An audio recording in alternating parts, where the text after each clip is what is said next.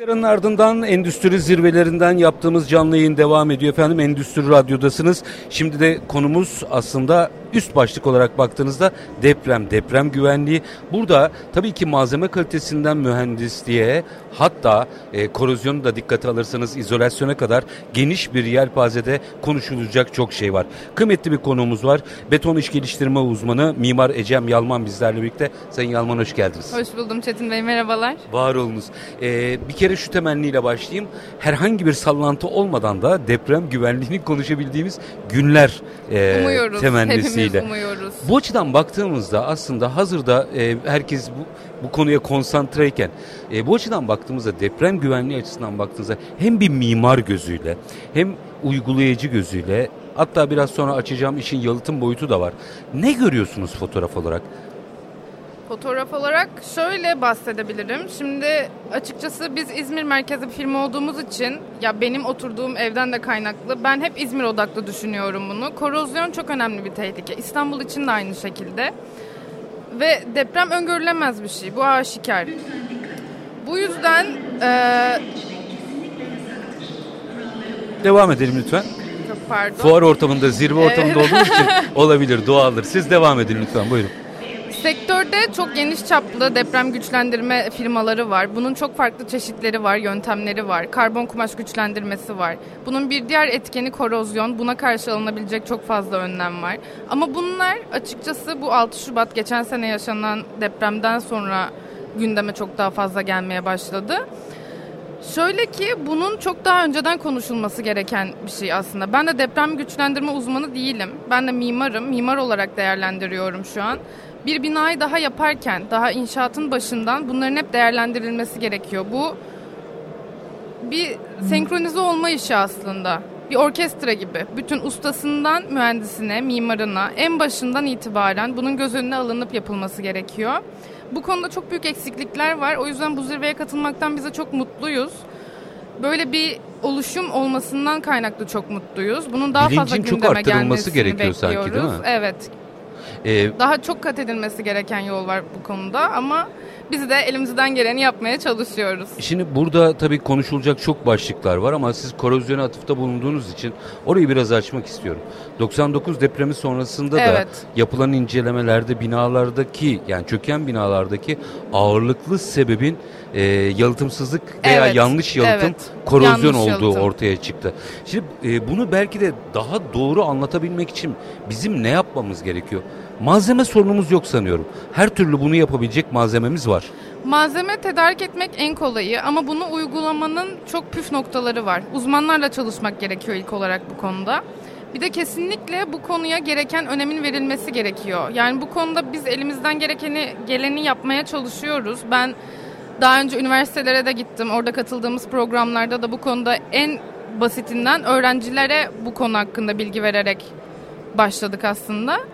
Şöyle ki bir tasarım yaparken mimarlar açısından konuşuyorum. Çok ben sevinirim. de mimar olduğum için hep tasarımsal olarak ABC'si. bakıyorum. Evet kesinlikle öyle. Çünkü en başta bir projeyi mimar tasarlıyor. Arkasından statik hesapları gidiyor.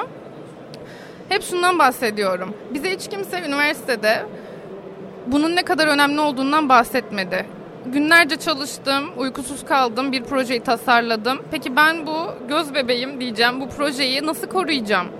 Sudan nasıl koruyacağım? Nasıl uzun yıllar dayanıklı hale getireceğim? Bu konu hakkında yeterli bilgi kesinlikle verilmiyor. Hangi üniversitede olursa olsun ben verilmediğini düşünüyorum. O yüzden biz elimizden geldiği kadar su yalıtımı hakkında yeni nesil proof sistemler bu işin detayına girdikçe daha fazla dallanıp budaklanıyor. Bu sistemler hakkında gerekli bilgileri vermeye çalışıyoruz. Hem uygulama konusundaki pratikliği nedeniyle hem e, daha uzun yıllar dayanıklı olması nedeniyle bu sadece suda değil topraktaki zararlı kimyasallar biliyorsunuz radon gazı gibi etkenlerden de koruyacak membranlar var. Tüm bunlar neticesinde ne kadar önemli olduğunu aynı şekilde Türkiye'nin deprem bölgesi olmasından kaynaklı bu binaları nasıl koruyabileceğimize dair biz elimizden gelen her şeyi yapmaya çalışıyoruz. Ee, bu aşamada yeni yapılan binaları hadi böyle tasarlayalım. Mevcutlara yapabilecek bir şey var mı? Mevcutlar konusunda var olan binalarda da yalıtımsal uygulamalar yapabiliyoruz. Bir de bildiğiniz gibi zaten deprem güçlendirme konusunda karbon kumaş uygulamaları şu an çok gündemde.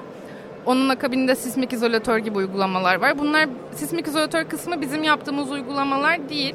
Ama karbon kumaş güçlendirmesi özellikle uzun yıllardır restorasyon projelerinde kullanılmasına karşın şu an geçen sene yaşanan depremden itibaren daha popüler bir konu. Biraz anlatabilir misiniz bize orayı? Oradaki teknolojiyi anlatabilir misiniz? Bu karbon fiber kumaş aslında uzun yıllardır savunma sanayinde de kullanılan bir teknoloji. Aslında daha çok ağırlıklı olarak orada kullanılıyor. Akabinde benim de açıkçası ilk karşılaşma daha önce bir üniversite araştırmasına denk gelmiştim. Bu deprem bölgesinde yapılan ikiz apartmanlar var. Hatta depremden sonra da çok popüler oldu. Haberlere de çıktı hı hı. sürekli. İki binadan birini karbon kumaşıyla güçlendiriyorlar, diğerini güçlendirmiyorlar ve ilk deneysel aslında tabiri caizse hiç hoş değil belki böyle söylemek ama güçlendirilen binaya hiçbir şey olmuyor ve ayakta kalıyor. İlk vakada ortaya ilk çıkıyor. İlk vakada yani. ortaya çıkıyor ve çok uzun yıllar sonra aslında ortaya çıkıyor ama ilk orada görülüyor aslında işe yaradığı yani haberlerde popülariteyi bu şekilde kazanıyor. Teknoloji olarak bu karbon kumaşların çeşitli çekme dayanımları var. Belli projelendirmeler sonucunda inşaat mühendislerinin onaylı projeleri sonucunda kendine özel yapıştırıcıları var. Hmm. Reçine, epoksi reçine esaslı. Bu yapıştırıcılarla projenin gerektirdiği şekillerde, gerektirdiği kalınlıklarda uygulaması yapılıyor.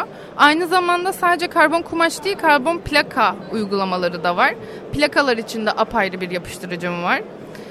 Projenin gerektirdiği atıyorum karkas yapı olabilir ya da yığma yapı olabilir. Buna göre projelendirildikten sonra uygulaması gerekli malzemelerle yapılabiliyor.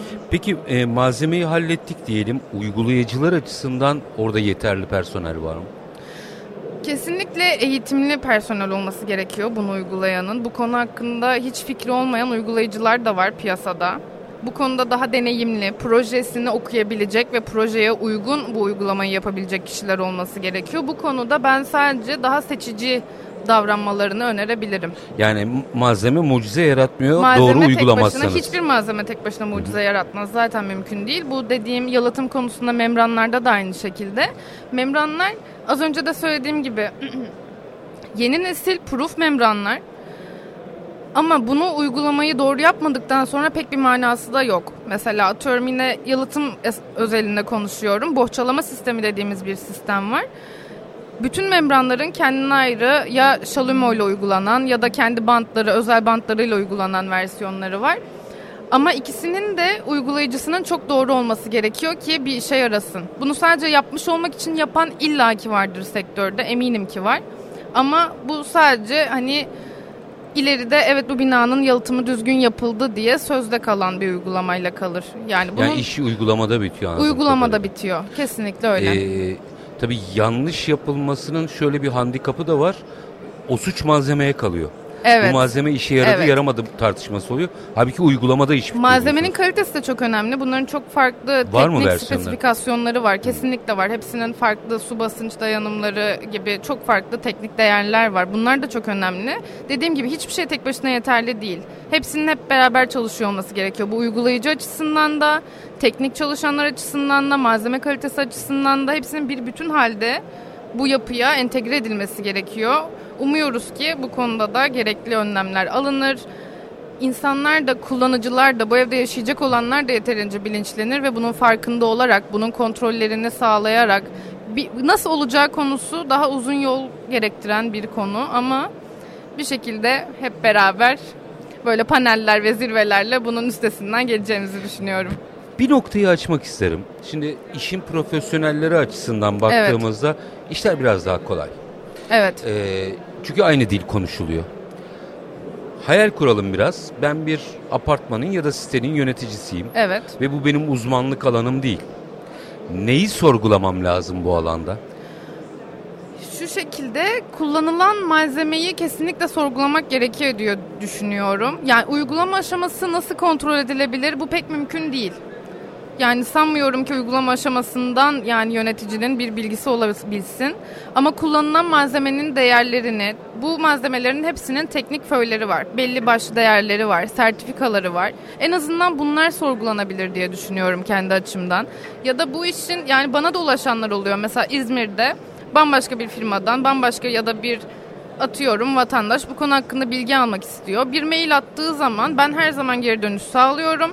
Bu şekilde firmalara ulaşım sağlayabileceklerini düşünüyorum. En azından böyle bir malzeme kullanılmış, uygulaması böyle yapılmış, kulaktan dolma bile olsa, yeterince teknik bilgiye sahip olunmasa bile ben hani bir şekilde bilgi alınabileceğini bu konuda düşünüyorum. Bu Böyle işi yapan profesyonellerden. Dikkat edilecek ipuçları var mı? Yani e, bu konunun profesyoneli olmayan birinin dikkat etmesi gereken ipuçları var mı? Çünkü malzeme de teknik bir şey neticede. Sertifikalarına dikkat Hı. kesinlikle edilebilir. Çünkü bu işin yerli üreticileri de var, ithal ürünler de var. Çok geniş bir pazar. Yalıtım ürünleri de, güçlendirme ürünleri de. Açıkçası fuardaki her ürün için aynı şekilde. Çok geniş bir pazar.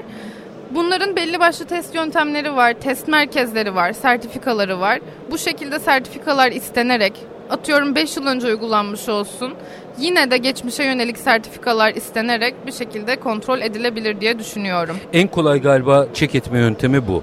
Peki e, bundan sonraki süreçte baktığınızda deprem güvenliği açısından bizim gitmemiz gereken yol ne? Bizim Türkiye'ye neyi anlatmamız lazım?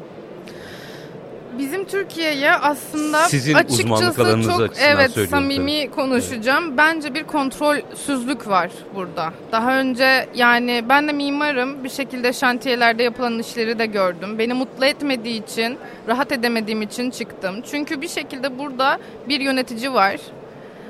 Ee, bu müteahhit oluyor aslında bu konuda.